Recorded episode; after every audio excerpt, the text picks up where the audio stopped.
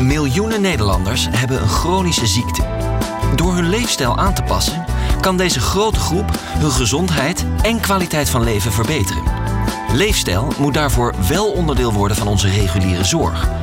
Maar hoe pak je dat aan in jouw werk? Luister naar Leefstijl in de Zorg voor de nieuwste wetenschappelijke kennis, praktische inzichten en tips om aan de slag te gaan. Deze podcast is een initiatief van de coalitie Leefstijl in de Zorg. Welkom bij deze eerste podcast van de coalitie Leefstijl in de Zorg. De coalitie bestaat uit een groeiend aantal deelnemers en organiserende deelnemers. NFU, Patiëntenfederatie, TNO en Vereniging Arts en Leefstijl. En de coalitie wordt gecoördineerd door TNO. Wat kun je verwachten in deze podcast? Ernst Kuipers, minister van Volksgezondheid, Welzijn en Sport, en Hanneke Molema, programmamanager van de coalitie, vertellen je wat jij kan verwachten van de coalitie Leefstijl in de Zorg. Waar twee werelden elkaar ontmoeten, that's where the magic happens. Luister naar de column van huisarts Iris de Vries. Olympisch kampioen volleybal Bas van der Goor legt uit hoe de Nationale Diabetes Challenge werkt. En ben je ook benieuwd wat het metabol syndroom is? Huisarts Daphne Uiterlinde legt het duidelijk uit. Fijn dat je luistert naar Leefstijl in de Zorg. Leefstijl in de Zorg met Glenn van den Burg. Eind maart 2023 heeft minister Ernst Kuipers het startsein gegeven voor de coalitie Leefstijl in de Zorg. Waarom deze coalitie? Wat willen ze bereiken? En wat ga jij daar eigenlijk van merken? Ik vraag het aan Ernst Kuipers, minister van Volksgezondheid, Welzijn en Sport. En Hanneke Molema, ze is programmamanager van de coalitie Leefstijl in de Zorg. Fijn dat jullie er allebei zijn. Uh, vooraf we hebben wij afgesproken dat we gaan tutoyeren. Dus uh, um, we zullen je en jijen. Um, waarom deze coalitie, Ernst? Waarom is het belangrijk? Leefstijl, en dat zal evident zijn, is ongelooflijk belangrijk. Zowel uh, om mensen langer gezond te laten leven en gezond te voelen. Maar ook voor mensen met een aandoening uh, weten we dat op heel veel manieren gewoon leefstijl echt een hele grote impact kan hebben op je welbevinden. En ook op het beloop en de uiteindelijke uitkomst van een ziekte. Dus allerlei redenen waarom leefstijl heel erg belangrijk is voor iedereen. Ja, en waarom is dan deze coalitie nodig als we eigenlijk dit al best wel een tijdje weten? Ja, omdat leefstijl uh, echt een onderwerp is wat op heel veel verschillende vlakken ons raakt. We zullen het straks nog wel hebben over de zorg en breder dan de zorg. Uh, maar je hebt, om hier echt een verschil in te maken, heb je heel veel partijen nodig. En vandaar die coalitie. Ja, nou kan ik me voorstellen dat uh, de zorg, wat natuurlijk een enorme grote... we hebben het over een paar honderdduizend, honderdduizend mensen volgens mij die er alleen al in werken. Hè, los van uh, alle... Ongeveer 1,4 miljoen. Ja, dat zijn nog wel een beetje meer. Ja, goedemorgen zeg. Een op de zes mensen met een baan in Nederland werkt in de zorg. Ja, ongelooflijk. Ja. ja. Die zijn volgens mij niet alleen verpleegkundigen en artsen, dus ook mensen die werken in de ICT en in, in de data en in de beveiliging en aan de balie en et cetera. Maar ja, of bij het ministerie waar we nu Op de ambulance, ja. Ja. ja. ja. en misschien aanvullend, ongeveer 10 miljoen mensen in Nederland leven met een chronische ziekte, één of meerdere, waarvan een heel groot deel leefstijl gerelateerd, zeggen we dan. Ja. En gisteren hoorde ik nog ongeveer 80% van Nederlands bezoekt de huisarts wel eens één keer per jaar. Dus het is een waanzinnig omvangrijke systeem. ja die hele zorg is volgens mij blij dat er een minister is die zelf uit de zorg komt. Uh, je bent zelf arts, Ernst. Hoe deed jij dat in de tijd dat je nog uh, uh, aan het bed stond in het ziekenhuis? Je bent MDL-arts volgens mij, hè? Ja, hoe deed je dat? In het verleden. Dat is, de registratie is verlopen, zeg ik. Oh, maar, ja, ja. Hoe, hoe, deed je dat zelf in het verleden met, met, ja, met het onderwerp leefstijl? Had je het daar met, met patiënten over? Zeker.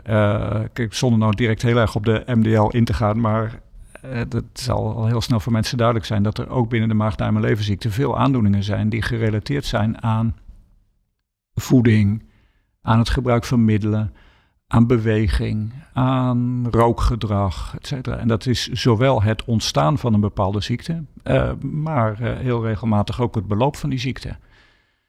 Als ik een voorbeeld mag geven, mensen hebben, veel mensen hebben wel eens gehoord van de ziekte van Crohn, een chronische darmontsteking.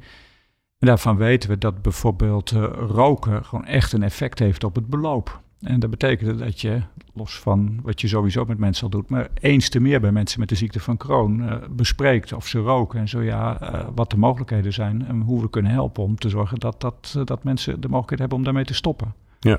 Maar één voorbeeld van de vele. En nou is dat inderdaad bij maag-darm-leverziekte. Het maag-darmstelsel, het is evident dat het over voeding gaat, uh, alcohol. Maar hoe zag je dat ook in uw ziekenhuis bij andere specialismen, dat het even belangrijk werd gevonden en even goed werd besproken? Of denk je nou... Uh, het is voor mij moeilijk. Kijk, ik zit natuurlijk niet, zat niet in de spreekkamer bij, uh, of bij een grote visite bij iedereen. Maar wat je breder merkt is in de loop der jaren eh, sowieso dat daar gewoon veel aandacht voor was. En eh, ja, ik denk dat het voor veel specialismen wel degelijk zo was dat ze daar uh, breed naar keken. Wat ik ook wel weet is dat iedereen, ik gaf het net in mijn voorbeeld al aan, maar dat iedereen dat ook wel heel erg vanuit zijn of haar eigen vakgebied bekijkt. Ehm, en dat het daarvoor heel goed is om eens heel breed te kijken. Uh, ik heb dat in het verleden, hebben dat, uh, toen ik nog in het ziekenhuis werkte, ook een keer gedaan. Van wat zijn nou bestaande richtlijnen die gaan over bepaalde leefmaatregelen. En die eigenlijk voor iedereen, ongeacht waar hij of zij binnenkomt, verstandig is om even te bespreken. Ja, ja. ja het een van de dingen die we gaan doen. Ja. Nou, het zijn ook natuurlijk wel, ehm, kan ik me voorstellen, ingrijpende dingen om het over te hebben. Want je gaat het echt over ja, het persoonlijke leven, het gedrag van mensen hebben. Dingen die ze misschien al jaren doen, waar ze ook van overtuigd zijn dat, het, nou ja, dat ze dat heel fijn vinden of heel vervelend. Of, uh, maakt dat dan nog uit voor, voor jou als arts? Uh, je moet je goed realiseren, dat geldt voor iedere, iedereen die in de zorg werkt, iedere verpleegkundige, iedere arts of iemand die met direct patiëntencontact heeft, dat dat wat je doet altijd een, een uh, iets is waarbij je komt heel erg in de persoonlijke levenssfeer van een persoon, uh, van een patiënt, maar ook van zijn of haar naaste. Dat is een onderdeel van wat het vak bijzonder maakt en wat je dus ook zeer vertrouwelijk en in vertrouwen moet en mag doen. Uh, en dat betekent ook dat je altijd heel erg goed moet kijken en moet uitleggen waarom je een bepaalde vraag stelt. Wat de achtergrond is, wat je met die informatie beoogt. Uh, en ook uh, heel duidelijk luisteren en gevoel hebben voor als patiënten bepaalde informatie niet willen geven. En daar, dat ook respecteren. Ja. En om aan te vullen wat wij ook horen van professionals, is dat het bespreken van leefstijl ook in hun persoonlijke leefwereld komt. Want als uh, professionals uh, vinden het soms moeilijk om leefstijl ter sprake te brengen. Bijvoorbeeld overgewicht, omdat ze zelf overgewicht hebben. En denken, wie ben ik om er wat van te zeggen? Uh, of ze zijn juist heel slank en dan denken ze, wie ben ik om er wat van te zeggen? Want ik heb makkelijk praten. Als je zelf wel eens een glaasje wijn drinkt, hoe maak je alcohol bespreekbaar? Dus het raakt enorm ook aan het gedrag van professionals zelf. En het is heel belangrijk om ook dat stuk gedragsverandering, dat we daar oog voor hebben en professionals daarin ondersteunen. Want het is, uh, ja, ook dat is, uh, vraagt om tijd en aandacht. Ja. Nu is leefstijl uh, ontstaat door heel veel dingen. Nou, daar, daar, gaan we ongetwijfeld nog heel veel podcasts over maken. De omgeving. Nou ja, we kennen natuurlijk allemaal de supermarkten waar op hele slimme punten dingen liggen die je eigenlijk niet zou moeten kopen. Waar ik zelf ook nog wel eens last van heb. Maar het gaat ook over de zorg. Welke rol speelt de zorg op dit grote thema, Ernst? Nou, misschien mag ik het een, een beetje even een onderscheid maken en eerst even aansluiten bij dat waar we het zojuist over hadden. Leefstijl en mensen met een aandoening, een patiënt die dus zorg nodig heeft. En wat ik al aangaf is voor heel veel aandoeningen geldt dat uh, het focus hebben op leefstijl, uh, in de brede zin van het woord, hè, of dat gaat over gebruik van alcohol of roken, of, of het adresseren van je overgewicht of je conditie, uh, van het verbeteren van je conditie als je een grote operatie moet ondergaan, of er zijn nog veel meer aspecten, is voor veel patiënten relevant. Dus dan is het een directe aanleiding voor een gesprek. Uh, een patiënt komt bij de verpleegkundige of de arts en wordt begeleid, uh, wordt gediagnosticeerd en begeleid uh, voor een bepaalde aandoening. En in dat kader hoort leefstijl en bespreking erbij. Ehm, dat is één aspect en dat gebeurt gewoon logischerwijs al in de spreekkamer. Een tweede aspect is dat leefstijl, even los van die setting van patiënt en, en, en uh, zorgverlener, heel veel facetten heeft. Je noemde dat net al, die niet direct met de zorg te maken hebben, maar gewoon gaan over je leefomgeving, over de beschikbaarheid van gezond voedsel. Het ook kunnen, uh, je, je kunnen veroorloven dat je dat gezonde voedsel dan ook daadwerkelijk gebruikt. Het gaat over informatie. Dat moet zeker uh, een overheid een belangrijke rol spelen. En dan is natuurlijk een ministerie van VWS is in de lead. Maar dan staat het ook bij, gaat het ook over uh, huisvesting, over wonen, over leefomgeving, over uh, ja, het raakt natuur. Alles. Het ja. gaat ook over hoe ons voedsel geproduceerd wordt en alles. Dat raakt aan alles. Dus dat is een belangrijke overheidsrol. En tot slot heb je het dan vervolgens ook voor een burger daadwerkelijk gezond leven. Het, dat begint bij die burger. Dan moeten we de voorwaarden daar juist wel voor creëren. Maar dat is iets wat uh, je op een bepaalde manier gezamenlijk doet. Maar wat niet de oplossing moet zoeken in. Dat moet dan dus allemaal per individu ook door een zorgverlener gedaan worden. Want dat kunnen we gewoon helemaal niet aan. Daar hebben we de zorgverleners niet voor. Nee. Uh, kan de fysiotherapeut uh, iedereen in Nederland die overweegt om meer te gaan bewegen, gaan begeleiden? Iedereen een personal coach in de, in de sportschool. Maar, ja eh, daar moeten we andere oplossingen voor zoeken. Want dat kunnen fysiotherapeuten niet aan, om één voorbeeld te noemen van de vele. En de zorg heeft wel vaak de neiging, wij zijn erg uh, oplossingsgericht, we willen heel graag helpen. Dus schieten we heel snel in die modus van laten wij hier maar inspringen en dan gaan we een oplossing zoeken. Ja, daarvoor uh, de kanttekening, dat moeten we doen, maar dat moeten we dan doen op een beetje metaniveau. Want we hebben gewoon de mensen niet om dat allemaal te begeleiden en te doen. Ja. Hanneke, wat gaat de coalitie eigenlijk doen? Nou Want we praten erover alsof het een ding is, maar... Het is een, eh, een, een actieprogramma, we gaan aan de slag. Dat zijn we al ook een tijdje, zijn natuurlijk aan de slag. Uh, we beginnen ook niet uh, op nul. De afgelopen jaren is er heel veel partijen heel veel gedaan. Uh, dat is denk ik ook de reden waarom het in het integraal zorgakkoord staat. Hè? Ja. de minister zei het al, het is heel erg... Um, het is niet... Ja, dokters deden het al lang, verpleegkundigen wordt heel veel besproken. Hoe kunnen we dat nou verder gaan vormgeven, zodat het inderdaad niet medicaliserend gaat werken? Want dat is denk ik heel belangrijk. Dat is een van onze uitgangspunten. Ja. Tegelijkertijd is een van onze uitgangspunten dat we niet gezondheidsverschillen gaan vergroten. Dat is een ontzettend uitdagend probleem. Maar als je het te ja, oppervlakkig misschien wat te snel doet, te veel in een one-size-fits-all aanpak, is het de kans groot dat uh, mensen zoals uh, wij hier zitten, hoog opgeleid, die aan heel veel vinkjes voldoen, die gaan het wel een beetje redden. Maar juist de mensen die we moeilijker bereiken, die een lagere uh, sociaal-economische positie hebben, die wat minder gezondheidsvaardigheden hebben, inderdaad een kleinere portemonnee. Ik denk dat, dat je dat net heel goed zei, die, die missen we. Hoe kunnen we hen helpen? Waar ligt de rol en verantwoordelijkheid van de zorg? En we verbinden ook met andere initiatieven, zoals het Gezond en Actief Leven Akkoord, eh, de Beweegalliantie, Alles is Gezondheid. Allemaal van darts tot programma's om te kijken wat gebeurt er dan in de wijk waar je aan kan verbinden. En dan is voor ons de vraag, hoe kunnen wij de professionals in de praktijk en de patiënten die daar komen helpen om daarop uit te komen? Dus het is een beetje de achterdeur van de zorg. Kun je goed regelen, zodat je kunt doorverwijzen en iemand weer netjes naar buiten de zorg kan brengen. Wat we ook gaan doen, vind ik een heel. werd net al een beetje gezegd, richtlijnen. Richtlijnen zijn natuurlijk een belangrijk instrument in de zorg en zijn de basis voor het handelen. Wij willen heel veel bestaande richtlijnen tegen het licht houden. Dat doen we samen met de partijen die die richtlijnen ook maken. Dus bijvoorbeeld de NAG, het Nederlands Huisartsgenootschap, maar ook de Aqua GGZ, eh, de FMS. Welke richtlijnen zijn er nu? Wat staat daar over leefstijl? Is er dan ook handelingsperspectief voor de professional? Want het staat vaak overal net een beetje anders. Zouden we wat, zoals we dan maar mooi zeggen, harmoniserende teksten kunnen maken, zodat inderdaad een aantal basisadviezen gelijkluidend worden? En dat je als professional weet wat je kunt zeggen en dat die advies ook zijn afgestemd met gedragswetenschappers. Dat is denk ik heel belangrijk, want uh, ga, ga, maar wat doen aan je gewicht. Ja, dat is een uh, onhaalbaar advies. Uh, dus hoe kun je nou iemand in die spreekkamer, in de tijd die je hebt, zodanig helpen dat iemand ook weer weet, oké, dat de patiënt ook weer handelingsperspectief heeft. Um, ook met patiënten zelf, de patiëntenfederatie zo actief betrokken, gaan we kijken wat is eigenlijk de behoefte van mensen aan informatie, waar zoeken zij naar, wat is het online zoekgedrag, wat zien we dan van verschillende doelgroepen, wat staat er nu op thuisarts, het is een prachtig medium dat heel veel patiënten en professionals trouwens al gebruiken. Kunnen we ook daar nog wat doen aan de teksten die er zijn? We willen niet heel veel nieuws verzinnen, want er is al genoeg. We willen dat wat er is verbeteren, handelingsperspectief bieden. En uiteindelijk willen we ook wel kijken of er nog nieuwe kennis nodig is. Dus we maken ook een uh, kennisagenda. En dat doen we met allerlei experts in Nederland om te kijken wat weten we nu al wel, wat weten we niet en wat heeft prioriteit. Ja. Wat wil je bereiken? Wanneer ben je tevreden? Als de coalitie, uh, nou ja, dus nou ja, het moment als dat de coalitie klaar is natuurlijk. Een gezonder Nederland. Uh, dat, ja, uh, maar, maar dat, is, dat is natuurlijk geen doel, hè? Nee. gezonder Nederland. Dat kunnen we, niet, kunnen we niet meten. Dat is mijn missie, dat is mijn moonshot. Daar ben ik al heel lang in mijn werkzame leven mee bezig. Nee, wat wij als, natuurlijk als coalitie doen, is wij geven invulling aan de ISA-doelstellingen. We hebben gezegd, dat is echt onze missie. Per 1 januari 2025 is leefstijl integraal onderdeel van de zorg. We zijn ook heel realistisch. Dat is al bijna, hè? Dat is al 2,5 jaar. En ik denk niet uh, dat we dat op alle punten misschien al halen.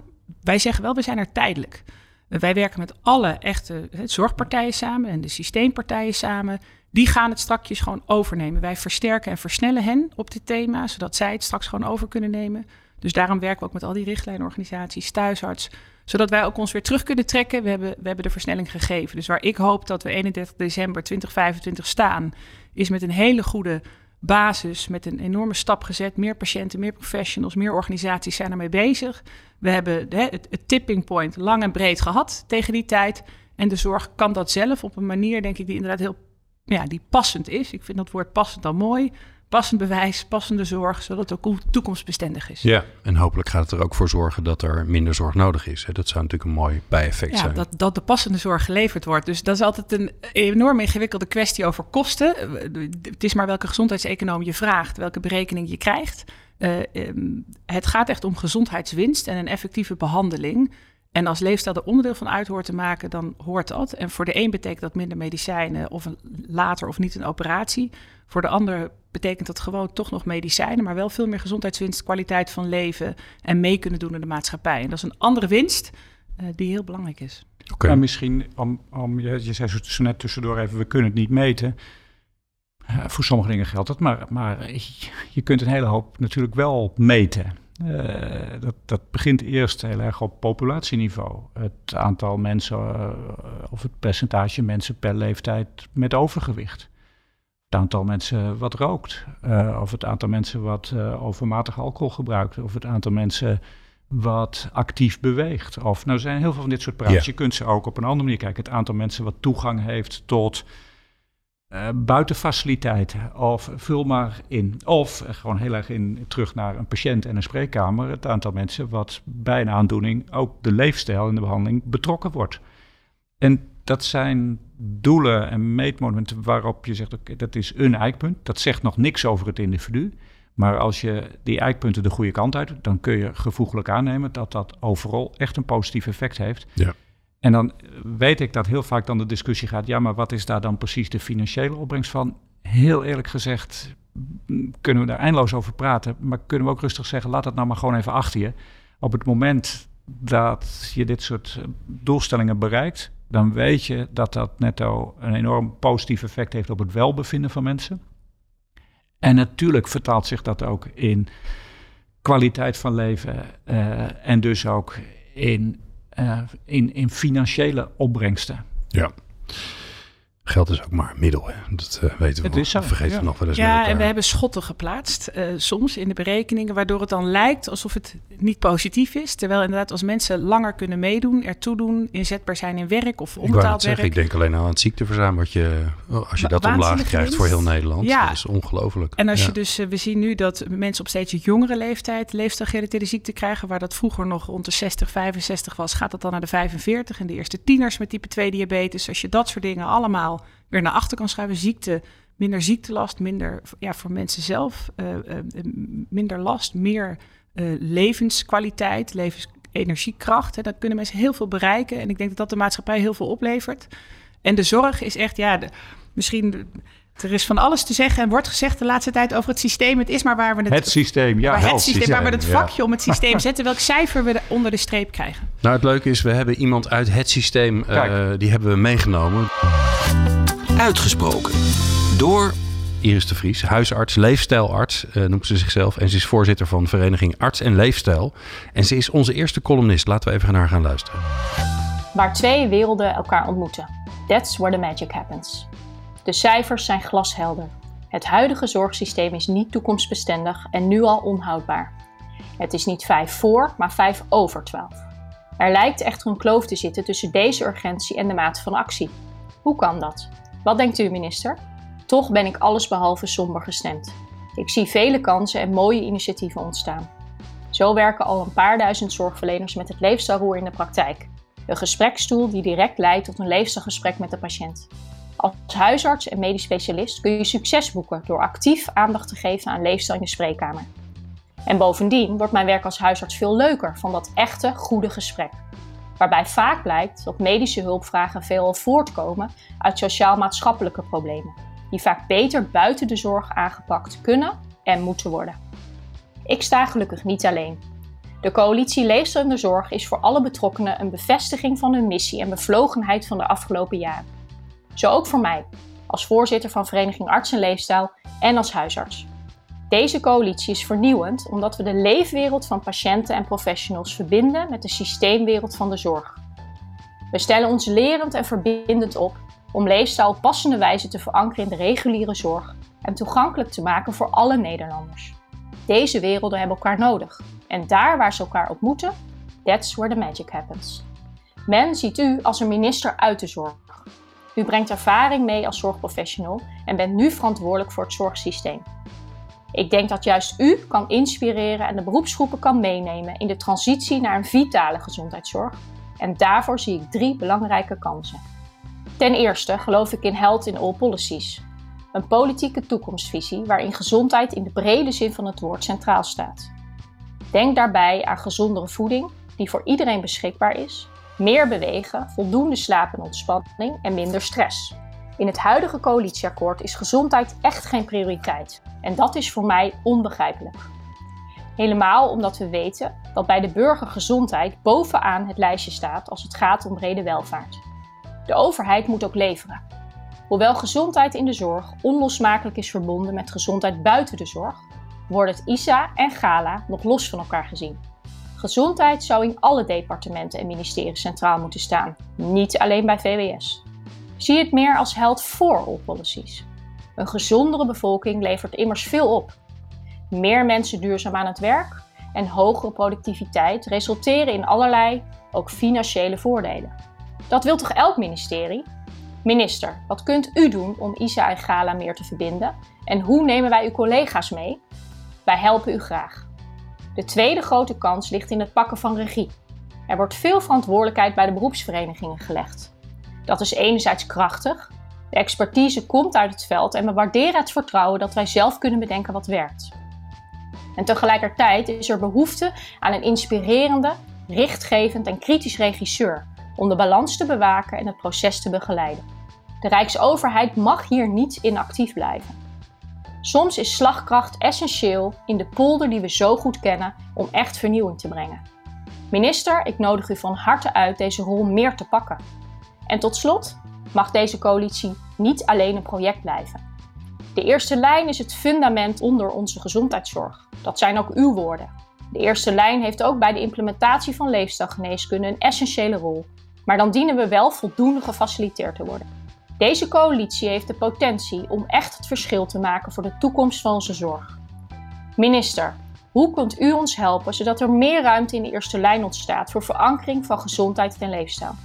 Samen kunnen wij dit, minister. Daar ben ik van overtuigd. Een vleugje magie doet wonderen.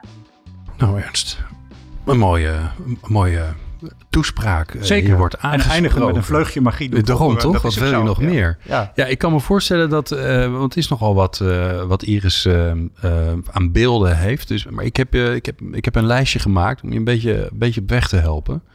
Um, ze begon eigenlijk over de, de kloof tussen de urgentie uh, over het zorgsysteem. Nou, daar is het systeem weer. De toekomstbestendig maken daarvan. En de mate waarom er, waarop er actie wordt ondernomen. Hoe, kijk je daarnaar? Is er genoeg actie? Is er genoeg urgentie? Um, op het moment dat uh, mijn collega's en ik anderhalf jaar geleden aantraden toen hebben we echt een breuk gedaan met het verleden. In het verleden werd er vanuit eh, VWS eigenlijk bij het begin van iedere kabinetsperiode ingezet op een financieel akkoord met individuele partijen, met de eerste lijn, de huisartsen, met uh, de langdurige zorg, met de ziekenhuizen, met andere partijen, de GGZ. En dat was heel erg financieel gedreven. En op het moment dat dat akkoord er was, dan kon uh, ja, eigenlijk het verdere traject rustig doorgaan. En kon je vanuit VWS eigenlijk een beetje uh, ik wil niet helemaal zeggen achteroverleunen, maar iets kalmer aan doen. Je hebt een akkoord en de rest is duidelijk. We weten hoeveel geld we gaan uitgeven. Nu is het aan de groep. En we hebben gezegd dat gaat niet. De problemen zijn nu van een dusdanige aard dat we het eerst met alle partijen tezamen moeten hebben over de inhoud.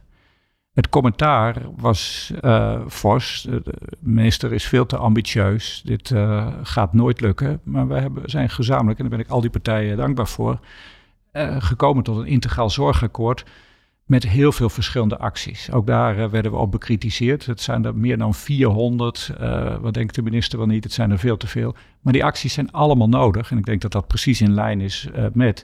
En ik vind het wel mooi dat minder dan een jaar later eigenlijk al de boodschap en een beetje de indruk ontstaat van het is nog niet genoeg. Er moet nog meer actie. ja, ja. er gebeurt ontzettend veel.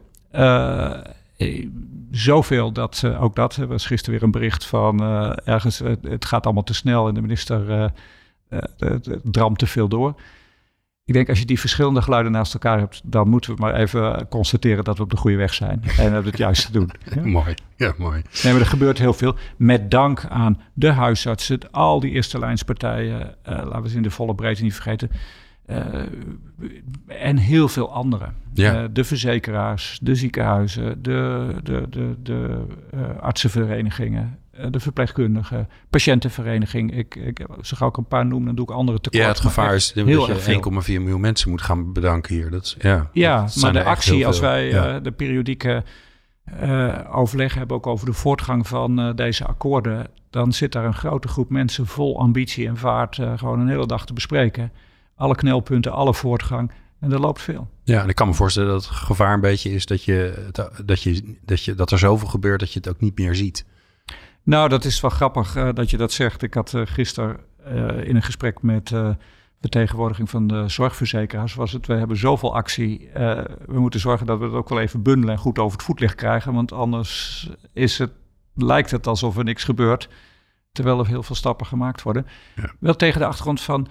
Zou je eigenlijk nog sneller willen? Natuurlijk, we willen allemaal sneller. Alleen we moeten ook ons realiseren dat als het gaat om verandering van samenwerking van, van marktwerking en competitie naar samenwerking en naar transparantie, naar andere digitale systemen, naar heel gemakkelijk gezegd, maar versterking van de eerste lijn in de volle breedte, dan zijn het allemaal complexe processen. Met veel spelers, met veel partners, waar soms ook regelgeving, wetgeving, financiële arrangementen van alles voor nodig is. Ja, sommige van die dingen kosten ook wel tijd. Hè? Je kunt ze niet binnen een week uh, allemaal voor elkaar maken. Ja, dat is ook wel wat we terug horen uit de partijen die betrokken zijn bij de coalitie, want het zijn er uh, steeds meer.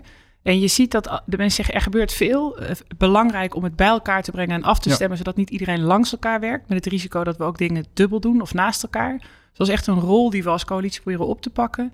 En wat we ook doen, en dat hebben we net eigenlijk al een beetje gezegd, en juist omdat dat eindresultaat duurt nog wel even, voordat je echt zegt, nu hebben we impact dat we ook proberen die procesuitkomsten en die tussenstappen, dat wat we al doen, ook te delen met anderen. Want dat is iets waar je trots op mag zijn. Als we al die richtlijnen bijvoorbeeld tegen het licht gaan houden, als we met informatie op websites als Thuisarts en het Voedingscentrum aan de slag gaan, opleidingen in kaart brengen, dat dat al een stap naar voren is. En we, we denken terecht heel duidelijk focus op impact.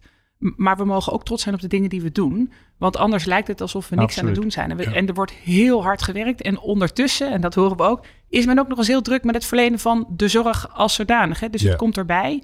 Um, dus ja, aan ons als coalitie vind ik ook alweer de schone taak. En dat heeft, natuurlijk doet het ministerie ook. Om te helpen dat een beetje behapbaar te houden.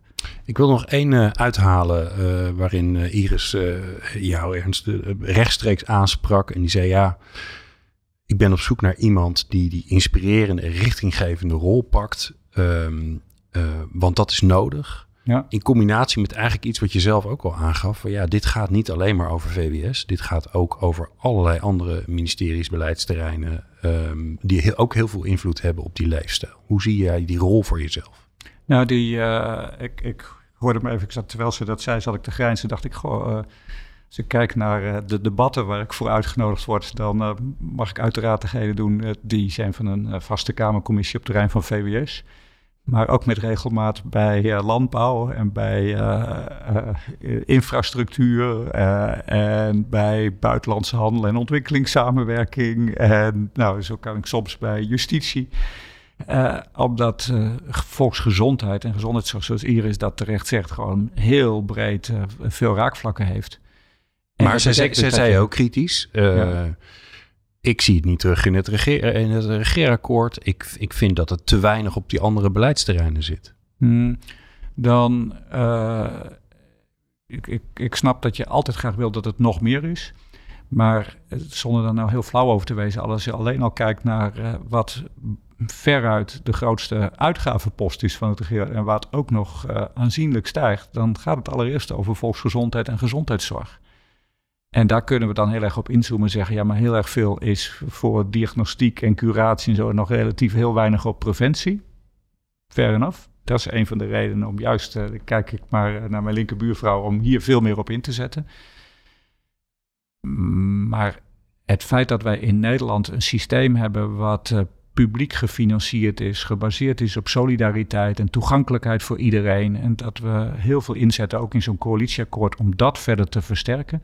Dat maakt wel dat ik denk, nou, ook dit coalitieakkoord straalt echt uit dat we gezondheidszorg uh, heel hoog hebben staan en verder willen verbeteren. Ja.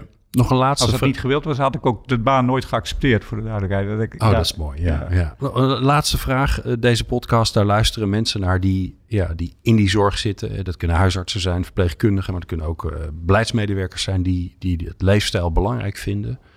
Wat zou je oproep aan hen zijn?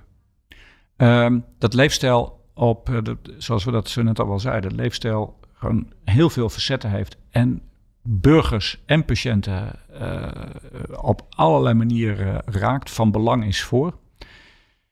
En om daar echt een verschil in te maken, moet je heel consequent zijn. En wat dat betreft ben ik, ik vond de voorbeelden die je zojuist noemde al, eh, vind ik prachtig. Om te zeggen, dit, we moeten echt kijken hoe we op een zo eenduidig mogelijk manier gewoon zoveel mogelijk burgers en patiënten, maar ook professionals bereiken, zodat je hier consequent op inzet. Leefstijl is niet iets van één facetje. Uh, laten we de komende maand maar eens kijken naar uh, zoutgebruik in Nederland. Nee, uh, je moet breed kijken en je moet ook blijvend kijken. En daar moet je op inzetten. En dat moeten we echt doen met al die mensen die in de zorg werken. Mooi. Dank jullie wel. Uh, Ernst Kuipers, minister van Volksgezondheid, Welzijn en Sport. En Hanneke Modema, uh, programmamanager van de coalitie Leefstijl in de Zorg. En Hanneke, wij gaan jou ongetwijfeld nog vaker horen in deze podcast. Past. Heel goed. Uit de praktijk. Sinds 2015 brengt de Nationale Diabetes Challenge mensen met diabetes in beweging. Dit initiatief van de Bas van de Goor Foundation is de afgelopen jaren sterk gegroeid en heeft aantoonbaar positieve effect op de gezondheid van mensen met diabetes type 2. Ik sprak Olympisch kampioen volleybal Bas van der Goor en vroeg hem wat deze challenge nou precies is. Dat is een, ja, een wandelprogramma waarin wij mensen met diabetes in beweging brengen naar een betere kwaliteit van leven. Uh, dat doen we samen met een aantal uh, partijen um, en wij zijn ervan overtuigd is wel onze missie dat wij denken dat als je mensen in beweging brengt, letterlijk en figuurlijk, eh, dat dat bijdraagt um, aan de betere kwaliteit van leven. En wij zien ook dat er heel veel mensen, eh, met name in de zorg, daar is het begonnen, ook heel graag een bijdrage willen leveren, maar dat het misschien toch nog best wel lastig is om dat uh, goed te doen in, in de structuur zoals die er nu uh, is.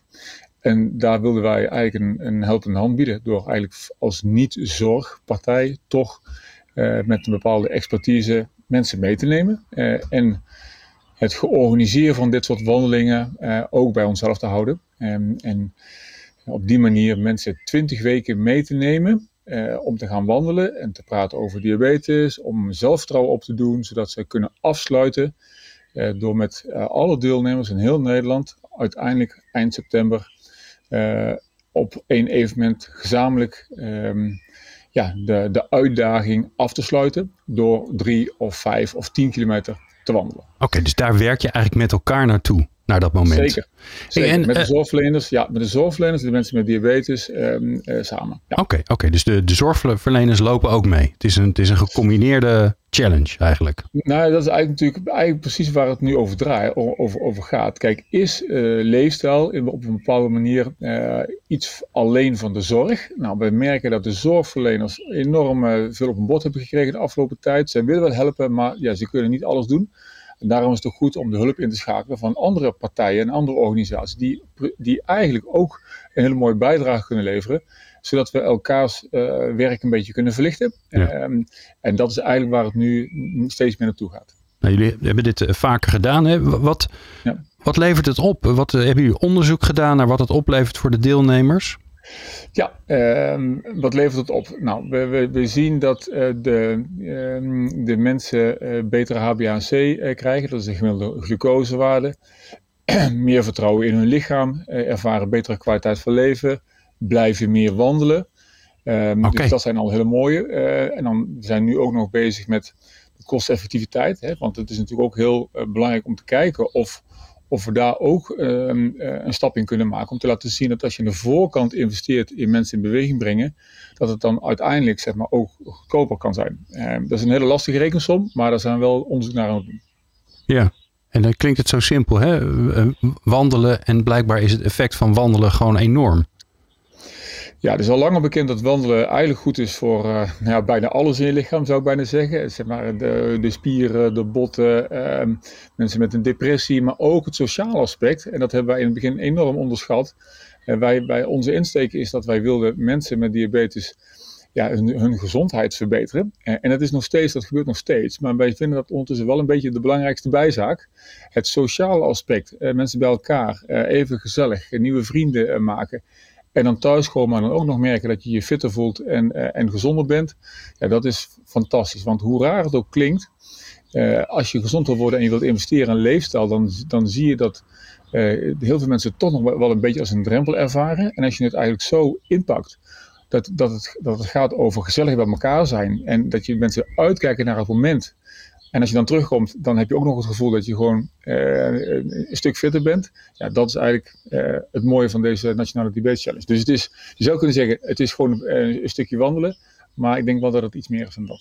Ja, nou ben je zelf natuurlijk topsporter. Gauw medaille gehaald. Ja, dat kun je niet vaak genoeg zeggen natuurlijk. maar ook in die zin ervaringsdeskundige dat je zelf diabetes type 1 volgens mij hebt. Klopt. Um, hoe draagt jouw ervaringsdeskundigheid, maar ook van mogelijk van anderen, bij aan het hele programma? Nou, kijk, wat we, wat we natuurlijk doen, we, we, we, organiseren heel veel wandelingen. We lopen met, onze, met mijn collega's ook um, uh, vaak mee. Uh, we, we, spreken met de mensen, we weten wat er leeft, we weten wat er bij de zorgverleners leeft. En dat nemen we allemaal, allemaal mee. Uh, en we zien eigenlijk, en dat zien we eigenlijk bij alle activiteiten die we met de, de stichting doen, dat wij in eerste instantie eh, proberen mensen uitleggen hoe het werkt. Maar dat is helemaal de verkeerde manier. Het, wij brengen mensen bij elkaar en ze leren van elkaar. Dus de kracht eh, van um, uh, mensen bij elkaar brengen uh, die in eenzelfde soort situatie zitten en die daar elke keer weer net even één tandje wijzer worden over hoe ze dingen kunnen aanpakken, dat is eigenlijk veel meer waard dan ik ga voor de groep gaan staan en ga vertellen hoe het zit. Want voor sommigen, die hebben dan misschien het idee van, nou, oké, okay, daar kan ik één of twee dingen van oppakken. Maar sommigen zullen ook denken, ja, hij heeft makkelijk praten met zijn uh, Olympische verleden. uh, ik heb uh, eh, 30 kilo overgewicht. Ik vind het moeilijk om een kilometer te wandelen. Wat gaat hij mij nou vertellen? Snap je? Dus het is, het is eigenlijk zijn de mensen die meewandelen en hun zorgverleners ja, de kern van het succes. Nou, um, uh, zitten wij met z'n allen in een, in een zorgstelsel. En ik kan me voorstellen dat uh, ja, op het moment dat uh, een huisarts bijvoorbeeld denkt, ja, maar deze persoon, die, daar zou dat heel erg goed bij kunnen helpen om deel te nemen aan die Nationale Diabetes Challenge. Hoe werkt dat dan? Ja, je kunt je opgeven via de, de site nationalediabetechallenge.nl. Ehm, waar wij voorheen eigenlijk de wandelgroepen lieten ja, laten we zeggen, organiseren door de zorgverleners, proberen we nu eigenlijk de wandelgroepen te laten starten vanuit het sociale domein. Dus op plekken waar de zorgverleners naartoe kunnen verwijzen. Dat maakt dat een clubje wandelaars niet noodzakelijkerwijs bij één huisarts uh, zeg maar, loopt. En als er dan iemand anders wil aanhaken, ja, je kunt je toch voorstellen, uh, sommige huisartsen die denken dan van ja, maar die zit niet in mijn praktijk. En ik wil alleen eigenlijk mensen die vanuit mijn praktijk komen. Uh, maar op het moment dat een, een, een arts uh, wordt gevraagd om mensen door te versturen naar een plek waar een buurtsportcoach of een, uh, of een wandeltrainer staat om die mensen mee te nemen, dan is het veel makkelijker doorverwijzen ja. en is het ook veel makkelijker om mensen mee te nemen. en nou, dat is eigenlijk zoals het nu steeds meer ingericht wordt. de zorg is nog steeds enorm betrokken, met name in de werving. En daar waar mensen er plezier in hebben en zouden willen, kan dus ook meelopen.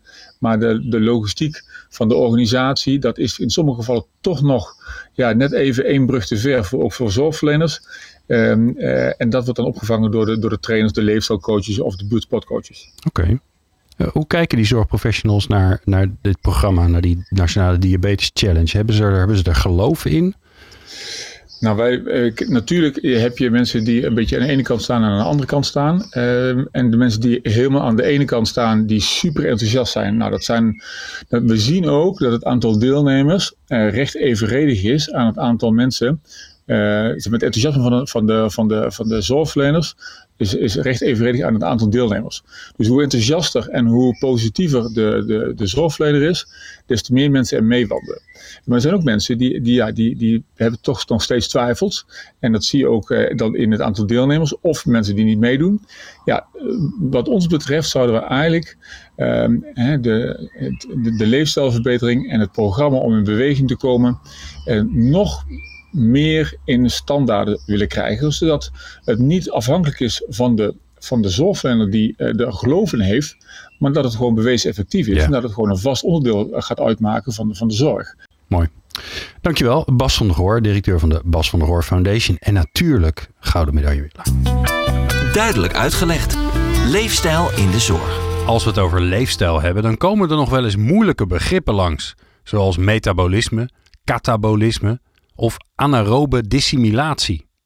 In deze aflevering legt Daphne Uiterlinde, huisarts met een passie voor leefstijl, uit wat het metabol syndroom is voordat ik ga uitleggen wat het is, uh, zal ik eerst uitleggen wat nou betekent als je metabol gezond bent. Want als je het metabol syndroom hebt, dan ben je al niet meer helemaal gezond. En in principe zijn we allemaal, als we jong zijn, nog metabol gezond. En dat betekent dat alle orgaansystemen goed werken. Dus zowel je maag-darmstelsel, je zenuwstelsel, je hart en je longen, je vaten uh, en je afweer. En dat betekent dat je je fit voelt, energiek en dat je je ook goed kan ontspannen. En wat verder uh, belangrijk is, dat je ook metabol flexibel bent. En dat betekent dat je zowel op suiker als op vetverbranding kan functioneren.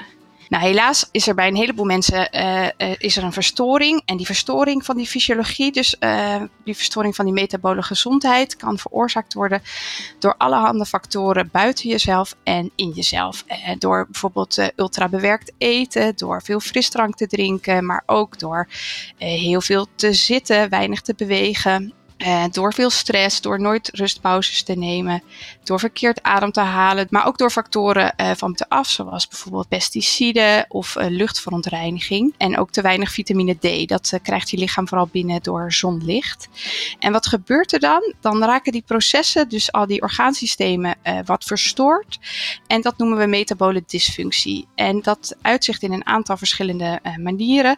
en er is een hoofdrol voor insuline. Insuline is een stofje wat door je afleesklier wordt uh, vrijgemaakt als je koolhydraten eet. En het is belangrijk om de energie de cellen in te krijgen. En verder is het ook belangrijk om uh, dat het regelmatig zakt, hè, dus bij die metabole flexibiliteit. Uh, want als je suiker zakt, dan zakt je insuline ook uiteindelijk en dan kan je lichaam over op vetverbranding. Als je nou vaak bewerkt eet, veel suikers eet, veel eetmomenten op een dag hebt, dan is je suiker eigenlijk continu hoog en blijft die insuline ook hoog. En dat noemen we hyperinsulinemie. En het lichaam gaat zich eigenlijk daar uh, op uh, wa tegen wapenen en dan wordt het insuline resistent. En dan krijg je dat, het minder, dat de cellen minder goed gaan reageren op die insuline. Want als er continu maar heel veel energie die cellen in gepompt wordt, dan raken ze beschadigd. Um, maar wat gebeurt er dan? Uh, die energie gaat ergens naartoe en die blijft in de, in de bloedbaan zitten. Dus de suiker wordt wat hoger. Um, en die overmaat aan energie wordt ook opgeslagen als vet. Met name rondom de buikorganen. Uh, en dat zorgt ervoor dat de, dat de mitochondriën, dus de energiefabriekjes, minder goed gaan functioneren. En dat er laaggradige ontstekingen gaan ontstaan. En dat zijn ontstekentjes die je niet echt merkt. Dus je krijgt er niet echt pijn aan. Het wordt niet warm of rood. Uh, maar dat heeft wel invloed op hoe onze organen uh, functioneren. Als je dan een aantal uh, van die kenmerken hebt. Dus uh, bijvoorbeeld een verhoogde uh, triglyceride, dus dat is een vorm van cholesterol, een te laag HDL, een verhoogde buikomvang, een verhoogde suiker en een verhoogde bloeddruk, dan spreek je van het metabol syndroom. Dus als je drie van deze vijf kenmerken hebt, dan spreek je van het metabol syndroom. En het is wel schrikbarend, maar maar 12% van de bevolking scoort op alle vijf deze punten een voldoende. 12% maar? Ja, ja, dat is echt heel weinig. Um, en het ontstaat vaak heel langzaam. Um, want bijvoorbeeld uh, als dit langer bestaat, dan kan het uh, zich ontwikkelen tot uh, suikerziekte. Um, en suikerziekte type 2 ontwikkelt zich heel langzaam. Dat doet, dat doet ongeveer 10 tot 12 jaar erover. dus we hebben 10 tot 12 jaar ook om dat om te keren. Nou, andere gevolgen van die metabole dysfunctie of het metabol syndroom uh, zijn overgewicht, maar ook leververvetting, hoge bloeddruk, nierschade, vaatverkalking, een verminderde afweer, PCOS, dat is een uh, hormoonafwijking bij vrouwen, uh, artrose, maar ook psychische klachten zoals angst en depressie. En het speelt ook een rol bij dementie. Dus het heeft enorm veel gevolgen. Ja, dus mijn pleidooi is om naast de medicatie, want dat is zeker regelmatig echt nodig, maar om naast die medicatie die verstoringen aan te pakken, zodat mensen er zelf mee aan de slag kunnen en dat die metabole gezondheid dat die weer hersteld kan worden. Dit was hem dan, de eerste aflevering van Leefstijl in de Zorg, een initiatief van de Coalitie Leefstijl in de Zorg. Meer afleveringen volgen met columns, praktijkvoorbeelden en moeilijke begrippen duidelijk uitgelegd. En als je deze podcast nou toch luistert, doe dat dan tijdens het wandelen. Zo ben je ook nog lekker bezig aan je eigen leefstijl. Dank voor het luisteren naar Leefstijl in de Zorg. Meer afleveringen vind je in je favoriete podcast-app. Je helpt ons enorm met een like, duimpje of follow. En wil je meer weten over leefstijl in de zorg? Ga dan naar leefstijlcoalitie.nl.